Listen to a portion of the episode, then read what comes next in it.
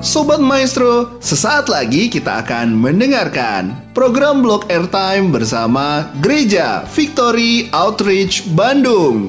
Selamat mendengarkan.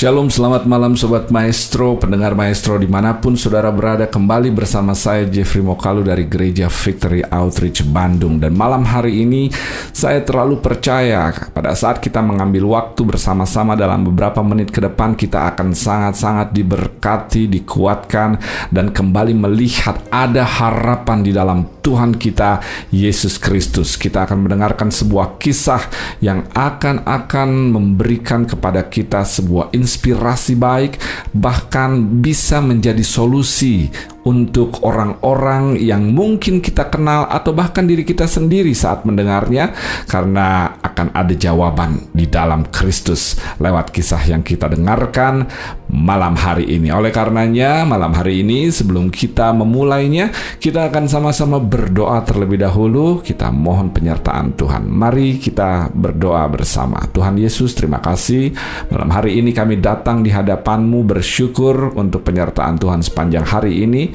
dan kami mau mengambil waktu untuk mendengar, melihat betapa ajaibnya Tuhan yang kami layani. Oleh karenanya, Tuhan yang akan menyertai dari awal hingga akhir dan hanya di dalam namamu Tuhan Yesus Kristus kami berdoa.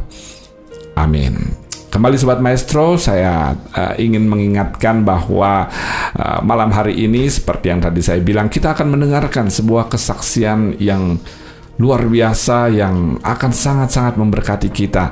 Jadi uh, tidak mengambil waktu terlalu lama lagi, saya di sini bersama dengan Brother Edo, Saudara Edo Unedo Hutasoit yang akan menjadi uh, narasumber yang akan bercerita tentang kisah hidupnya sebelum dan sesudah bertemu dengan Tuhan. Oleh karenanya saya ingin menyapanya terlebih dahulu. Selamat malam Saudara Edo. Selamat malam Pastor. Selamat malam, selamat malam. Sungguh luar biasa.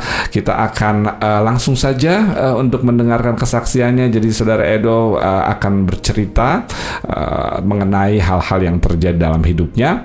Dan saya ingin memulai satu pertanyaan terlebih dahulu kepada saudara Edo.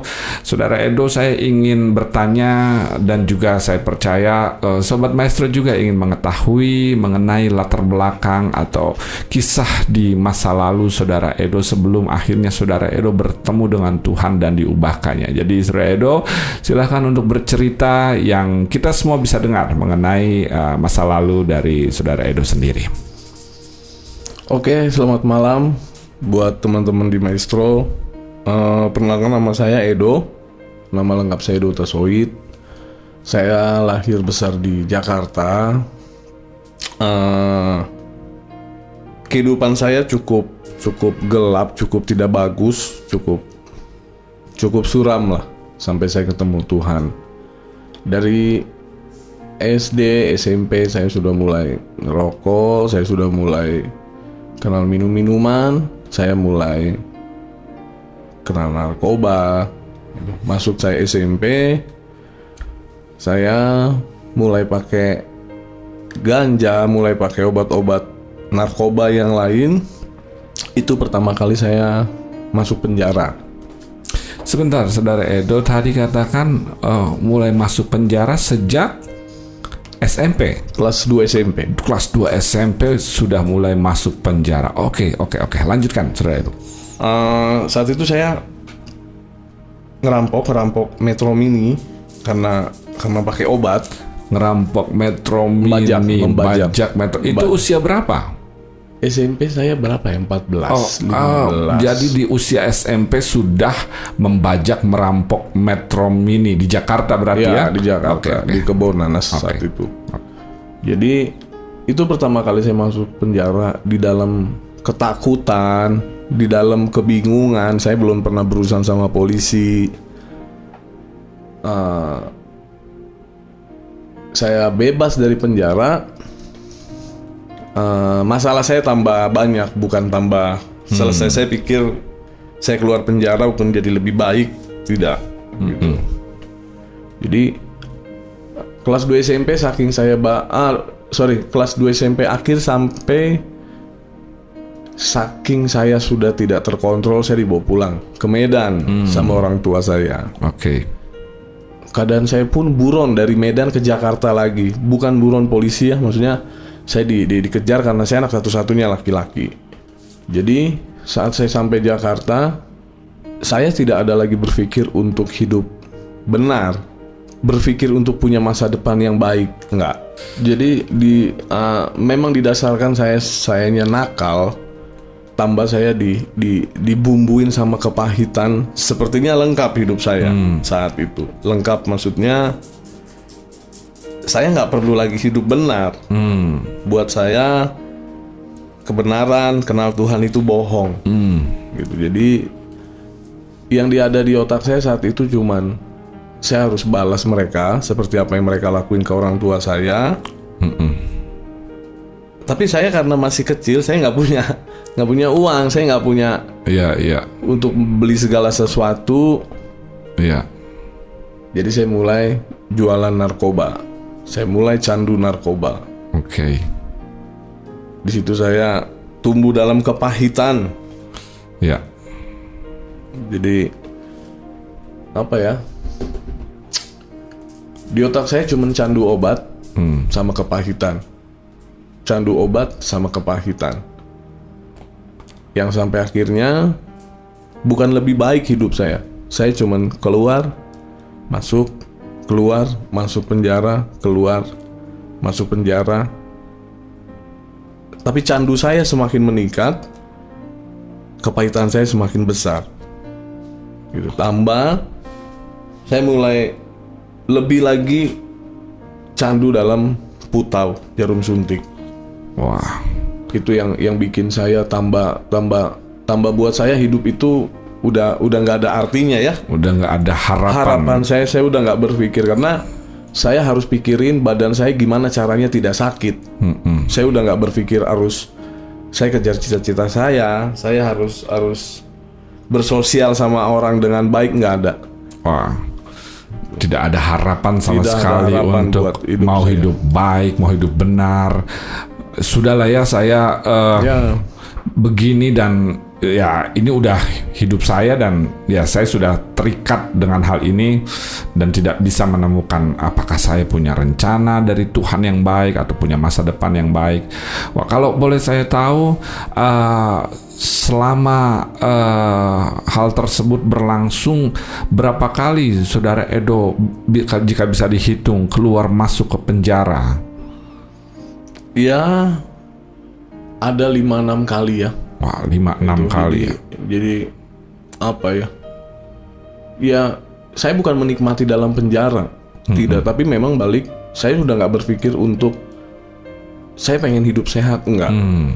saya pengen lepas dari kepahitan enggak ada jadi saya bilang sama orang tua saya sama kakak saya kalian urus hidup kalian masing-masing Hmm. saya punya kehidupan sendiri yang karena buat saya semuanya sudah hambar ya Jadi Edo eh, berbicara sama ada kakak, ada mama ya, Ya. begitu ya karena papa dengan situasi yang terjadi di Medan bicara sama kakak sama mamanya. Oke, terus lanjut gimana setelah bicara dengan mereka? Jadi mereka ya mereka nggak bisa ngomong apa-apa, cuma nangis. Saya jarang pulang, saya jarang pulang. Hidup saya cuma di jarum suntik, Hmm. perampokan, saya nodong, saya bandar narkoba. Karena saya nggak tahu di samping kepahitan, saya harus konsumsi, Ya, saya harus punya uang. ya. Jadi karena saya tidak berangkat dari orang punya, jadi saya harus mencuri, saya harus merampok. Wah.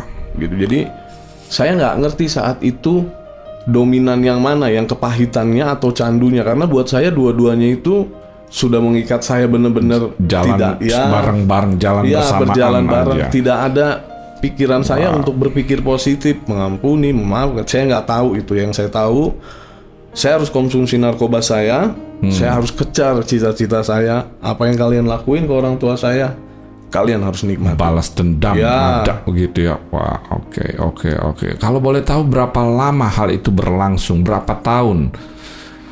kurang lebih hampir 15 tahun. 15 tahun pahit 15 tahun terikat narkotika hidup tidak punya arah, melakukan banyak kriminal.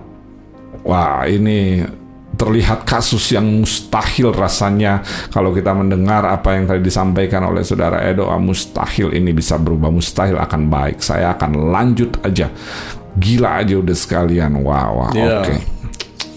Wah, eh, tapi kalau saya melihat eh, Bro Edo sekarang eh, rasanya apa yang disampaikan itu eh, apa namanya saya bilang eh kayaknya eh gimana saya bilangnya ya? Sepertinya kok eh, yang disampaikan nggak sesuai dengan keadaan Bro Edo sekarang. Saya lihat Bro Edo sekarang eh, hidup eh, normal, bersosialisasi dengan positif. Saya mendengar Bro Edo juga melayani eh, di penjara, lalu juga memiliki usaha-usaha. Ah, agak sedikit wah ini ceritanya kok berlainan dengan apa yang saya lihat sekarang. Kalau boleh saya tahu apa yang bisa atau di mana titik saudara Edo pada akhirnya bisa kok berubah arah hidupnya ini. Silakan pasti kita semua sangat penasaran kenapa orang yang 15 tahun gila hancur ini kok bisa sekarang melayani, punya usaha, hidup benar, arahnya baik. Ini pasti hal yang buat kita penasaran. Silakan Bro Edo bisa diceritakan gimana ceritanya kok bisa berubah seperti ini. Kalau di flashback ke belakang juga saya sebenarnya bingung sama hidup saya. Maksudnya ya kebingungan orang lain sepertinya saya juga ngerasain gitu. Ini apa yang Tuhan kerjain sama hidup saya, gitu. Jadi saat itu tuh eh, saya termasuk bandar ya cukup besar di Jakarta Timur. Oke, Saat itu kurir saya ditembak mati. oke, Saya keadaan buron. oke. Buron itu maksudnya tuh kalau buron dalam keadaan kita sembunyi aja itu saya rasa biasa. Cuman keadaan saya tuh saya sembunyi tapi saya harus dalam kebutuhan saya tidak bisa berhenti kan? Iya, gitu. sakau. Ya, sakau rasa lagi nah, itu udah benar-benar saya nggak saya udah nggak tahu sampai saya bilang Tuhan kalau mau panggil saya sekarang lah saya udah nggak kuat gitu. Hmm, Saya ketakutan, candu obat saya tidak bisa di diberhentiin tiba-tiba hmm, kepahitan saya semakin kenceng. Jadi saat itu saya benar-benar udah ah udah saya saya dua minggu ya nggak bisa tidur nggak bisa makan.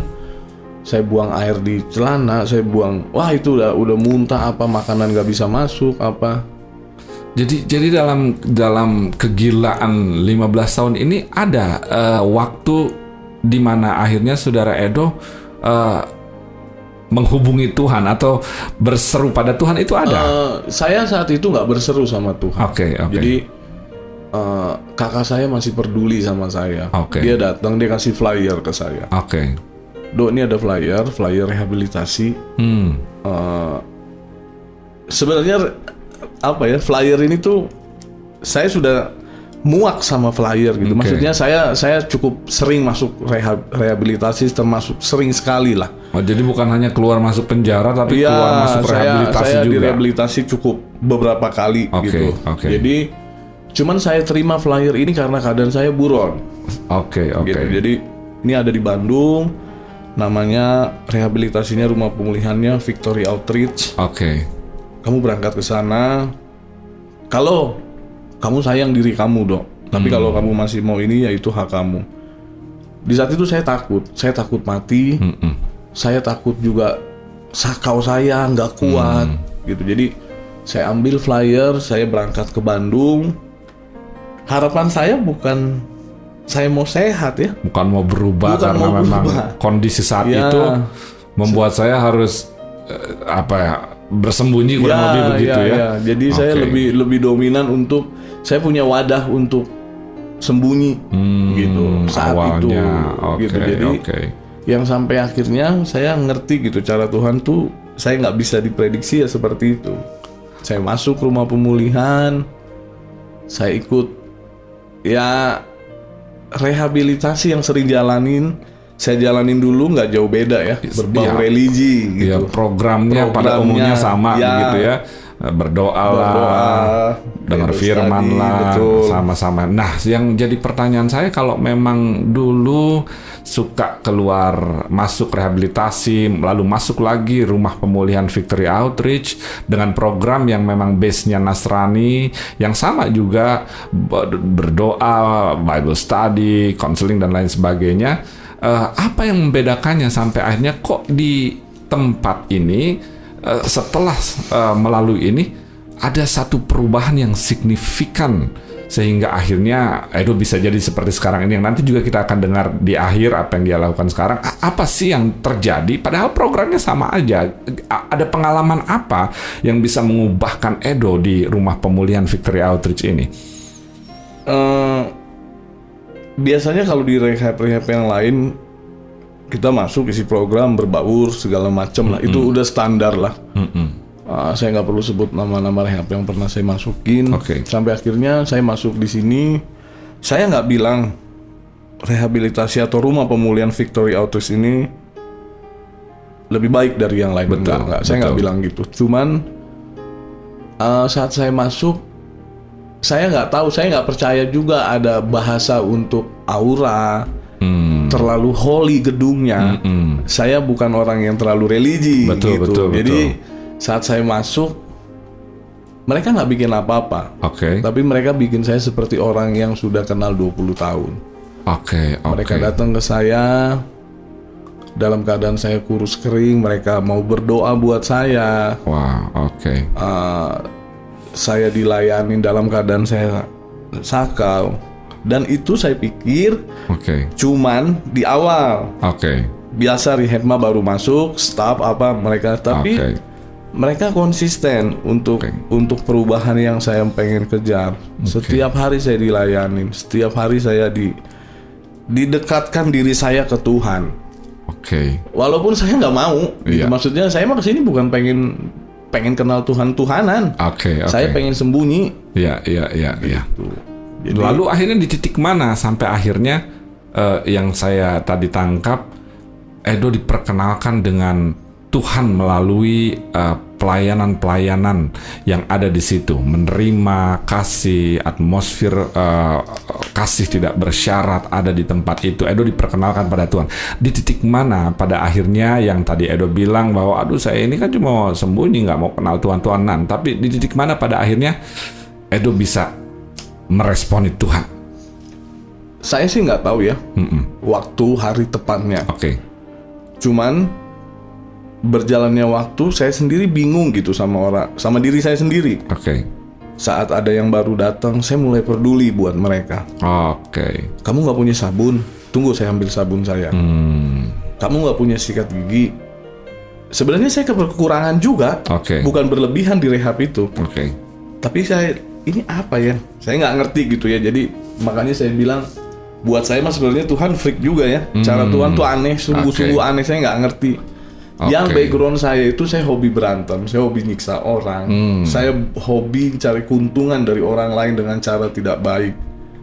Tapi kok saya bisa tiba-tiba Berubah begitu ya, tiba-tiba gitu. hat- Jadi- hatinya kok jadi lain ya jadi gitu ya. ini kenapa nih gitu Oh, I Ntar see, I ada see. ada teman-teman saya yang yang yang di bawah saya mereka baru masuk, mereka mau pulang, saya coba tahan mereka jangan Ah, eh, kok, jadi peduli sama orang ya, sekarang jadi, ya jadi, begitu. ini Oh, apa? oke, saya, oke. saya saya nggak ngerti gitu ya.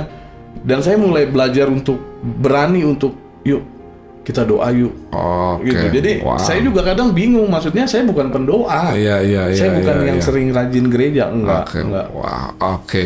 Artinya, oh, saya coba simpulkan di tengah atmosfer kasih yang eh, diperkenalkan atau kasih Tuhan yang diperkenalkan, entah di titik mana dia bisa masuk ke kekerasan hatinya saudara Edo dan dia jamah, dia rubah hatinya eh, saudara Edo dan tiba-tiba dari hati yang berubah karena jamahan Tuhan di tempat itu karena pertemuan yang secara pribadi yang dia alami dengan Tuhan muncul perilaku yang lain, perilaku yang berubah. Dengan kata lain bukan karena programnya tapi karena karena pekerjaan Tuhan yang mengalir melalui setiap program sistem atau apa yang dilakukan oleh pelayan-pelayan Tuhan di tempat tersebut. Wah, luar biasa sekali. Saya juga uh, uh, takjub sekali ketika mendengar bagaimana Tuhan mengubahkan kehidupan saudara Edo dari yang begitu mustahil untuk diubahkan tapi akhirnya diubahkan. Bahkan sekarang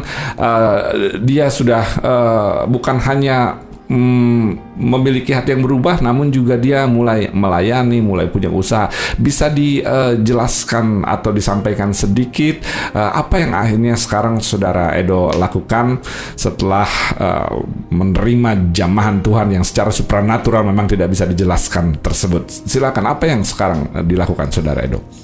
Ya berjalannya waktu, saya selesai dari rumah pemulihan, saya apa ya saya saya jadi mulai mulai mau nangis ngelihat orang mereka yang mabok, yang mereka hmm. jahat, yang mereka mencuri. Saya mulai nangis itu, maksudnya nangis itu bukan nangis air mata saya keluar, enggak. Aduh, itu saya dulu seperti itu. Nah, yang yang yang jadi buat saya itu bangga sama Tuhan tuh saya nggak cuma dikasih Tuhan pulih dari narkoba. Hmm. Saya mulai dikasih hati sama Tuhan saya mulai datang ke mereka yang di jalan saya mulai hmm. mulai follow up mereka yuk yuk kita kita hidup sehat kita kenal Tuhan yuk hidup begini nih ini nggak nggak bener nih yang kita hmm. jalani jadi sampai berjalannya waktu saya mulai dikasih kepercayaan sama leader-leader saya di gereja sama hmm. pastor saya staff-staff saya saya mulai bagiin seminar narkoba ke sekolah-sekolah ke kantor-kantor saya mulai pelayanan penjara Okay. Jadi dari sana iblis rampas saya, tapi Tuhan kirim saya harus ke sana wow. untuk memenangkan jiwa yang yang ya sama yang seperti sama saya Wah. gitu. Wah, luar dan, biasa. Dan dan ya silakan. saya suka cita deh buat buat apa yang Tuhan lakukan sampai sekarang saya punya ya sedikit Tuhan kasih kepercayaan. Jadi saya mulai ada bangun usaha, Ah. Saya mulai usaha jual beli barang-barang antik, saya mulai beli barang-barang vintage. Tapi uh, sama, jadi tujuannya di situ tim yang sama saya pun mereka berlatar belakang kebanyakan seperti saya. Okay. Gitu mereka yang tertolak, mereka yang nggak punya harapan, gitu. Jadi ya makanya tadi saya bilang saya nggak ngerti cara kerja Tuhan gitu loh. Wah. Jangan jangankan orang lain diri saya aja karena saya tahu kapasitas saya. Saya okay. terlalu jahat sama orang. Okay. Jahat saya bukan jahat yang saya dorong kamu tuh enggak. Saya harus cari keuntungan. Saya dorong kamu, saya harus ambil keuntungan. Jadi jahat saya double buat saya. Oke. Okay. Tapi okay. saat saya kenal Tuhan, saya bukan jadi dorong, tapi mereka saya tangkap untuk kamu harus diberkatin. Wow. Saya bukan harus ngambil berkat dari kamu. Oke, wah luar biasa sekali Sobat Maestro. Satu hal yang saya ingin sampaikan dari kisah ini, tidak ada yang mustahil ya. bagi Tuhan kita. Tidak ada yang mustahil. Terima kasih Saudara Edo sudah memberikan kesaksian cerita dan waktunya malam hari Sama-sama, ini. Betul. Dan Sobat Maestro, seandainya ada seseorang yang membutuhkan pertolongan, yang mungkin memiliki kasus yang sama seperti yang dialami oleh Saudara Edo, Saudara, Sobat Maestro bisa menghubungi nomor telepon yang berikut ini 08211515978 atau 0813 878 0888 Sekali lagi 08211 5159 758 0813 8788 5009. Kami akan sama-sama percaya seperti yang kita dengar sama-sama kepada Tuhan untuk siapa pun yang mungkin punya permasalahan keterikatan narkotika, pergaulan bebas Tuhan ubahkan kehidupannya melalui rumah pemulihan Victory Outreach yang saat ini Tuhan percayakan pada kami atau jika sobat maestro juga ingin menanyakan info lebih lanjut uh, dan mau beribadah bersama-sama dengan kami, maka Gereja Victory Outreach ada di Jalan Wastu Kencana nomor 13 dimulai pukul 6 11.00 atau 4 sore setiap hari minggunya. Kita bisa bertemu, kita bisa berdoa bersama-sama dan kita bisa hidup di dalam harapan dan solusi bersama dengan Tuhan. Terima kasih Sobat Maestro buat kebersamaannya malam hari ini. Kita bertemu kembali di Jumat Kemudian Jumat yang akan datang dengan kisah-kisah menarik lainnya bagaimana Tuhan mengubahkan apa yang mustahil di mata manusia. Selamat malam Sobat Maestro, Shalom dan Tuhan Yesus memberkati kita semua.